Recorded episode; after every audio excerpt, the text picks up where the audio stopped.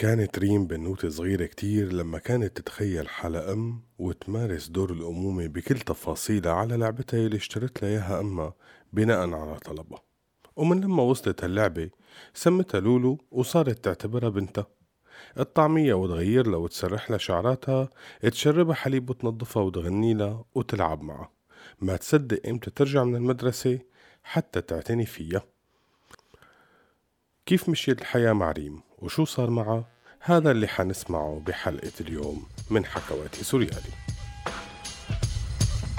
القصة مو قصة والحكاية مو حكاية حكايتنا من الواقع أبدا مو رواية. نحنا عشناها بتفاصيلها المخبأة أبو فاكر بيحكيها من البداية للنهاية.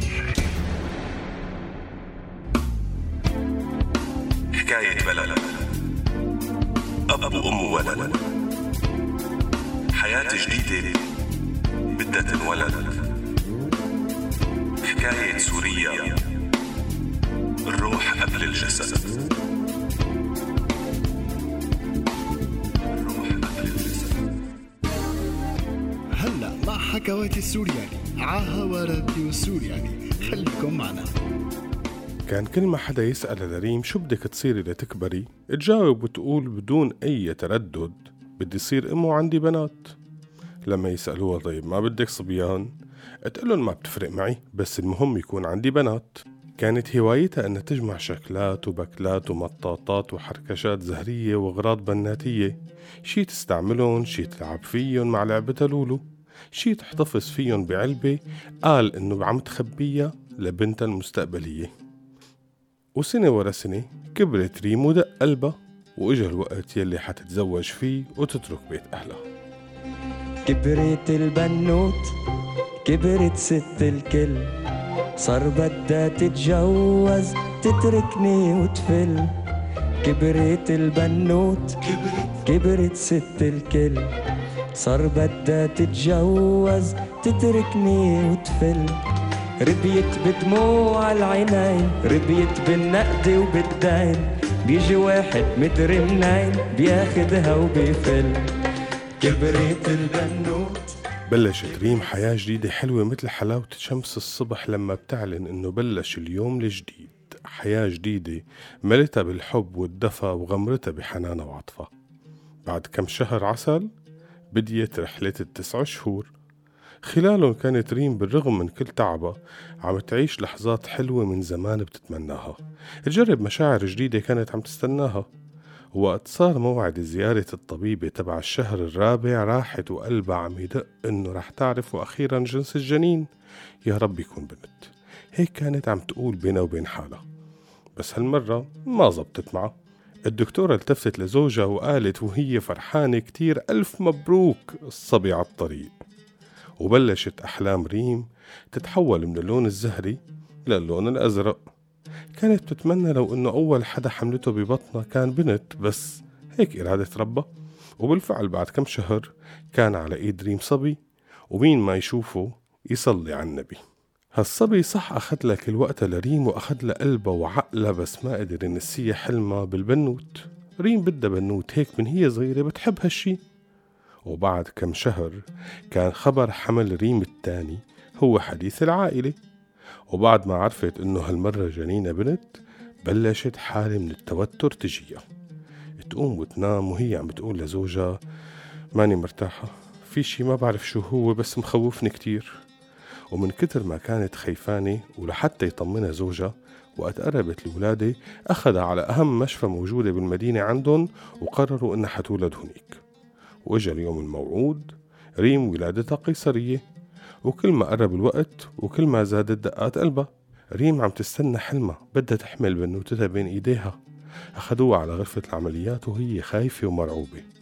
وبعد شوية وقت ما حست فيه تحت تأثير البنج فاقت لقت حالها بالغرفة وزوجها وابنها جنبها. بلهفة وتوتر سألت عن بنتها.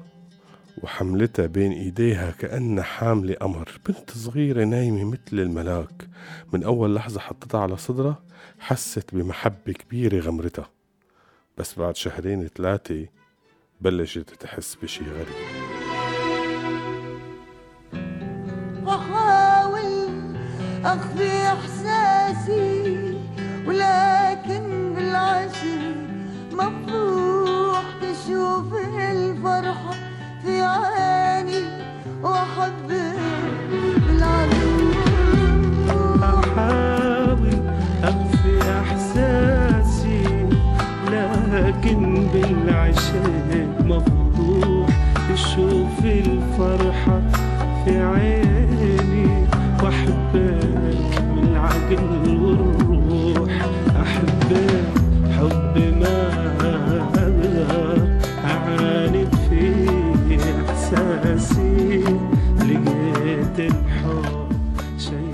ثلاث شهور من الفرح ومن الطوشة الممتعة بالنسبة لريم والضوجة والمحبة إلها. كل يوم والتاني تلبسها فستان أفرول جديد تصورها. بس بعدها ثلاث شهور بلشت ريم تلاحظ شي غريب. بنوتتها ما عم تتجاوب معها تمام. في شي مو طبيعي بالموضوع. صارت تسأل رفقاتها إنه أولادكم بهالعمر شو بيعملوا؟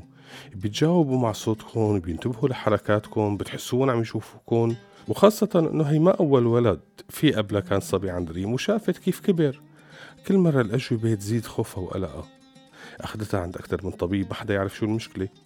بس أخيرا في طبيب قال لها دكتورة التوليد خبرتك شي عن مشكلة صارت بالولادة؟ ريم فورا جاوبته لا أصلا أنا ولداني بمشفى كتير مهمة والمفروض كل شي يكون تمام. قام قالها طب معلش خلينا نتأكد. وهالدكتور من كتر ما كان ابن حلال راح معها لعند دكتورة التوليد وطلب فتح ملف ولادة ريم. الدكتورة هون تلبكت وبين عليها. ريم بلشت تخاف أكتر. تعرق وتبرد وترجف وتبكي كله بنفس الوقت وهي عم تستنى جواب الدكتورة يلي ما عادت قدرت تحط عينها بعينه وردت بكل أسى إنه بنتكم صار معها بعد الولادة نقص أكسجين لمدة خمس دقايق. هون ريم صرخت إنه شو يعني؟ قام الدكتور صرخ قال لها خمس دقايق. لك يا دكتورة أنت بأي حق بتخفي هيك معلومة عن أهلها؟ يا دكتورة هي جريمة. لو حكيتي من أول لحظة كان في كتير أضرار ممكن إنه نتفاداها. بس بعد هذا الوقت شو عاد فينا نفيد؟ البنت خسرت خسرت كتير. للأسف بعد ثلاثة شهور من الحادثة البنت فقدت أغلب حواسها. ريم صارت تصرخ وتبكي مشان الله يا دكتور شو فينا نعمل الدكتور خبرها انه الوضع غالبا ما كتير مبشر لكن رح يعمل جهده ليساعدها قدر المستطاع وأكد عليها إنه لازم هاي القصة توصل للقضاء. ريم هون ردت إنه آخر هم القضاء والمحاكم والدكتورة شو بده يصير فيها؟ بنتها أهم شي.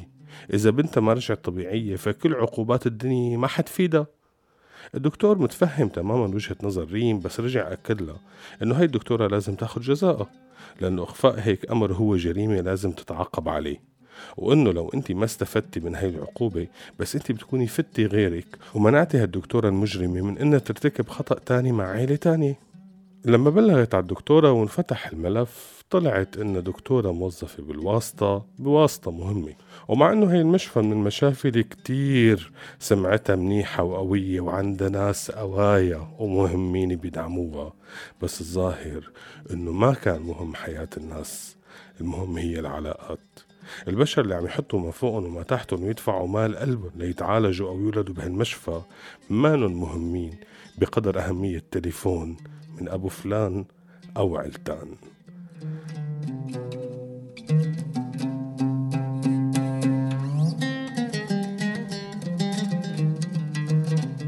ريم بلشت تتأقلم مع وضع بنتها بأيام بتكون قوية بأيام تانية تنهار على الأخير. ضلت تشوفها ملاك. ملاك ما حيوسخوا أي شي من هالدنيا الوسخة بس كانت كانت كل ما تتعب تروح تضمها تحس إنها عم تضم شي كتير حلو وطاهر قدمت لها كل رعاية وحب وحنان طول حياتها. كان حلمها إنه يكون عندها بنوت بس ما خطر لها إنه حيكون عندها ملاك استودعناكم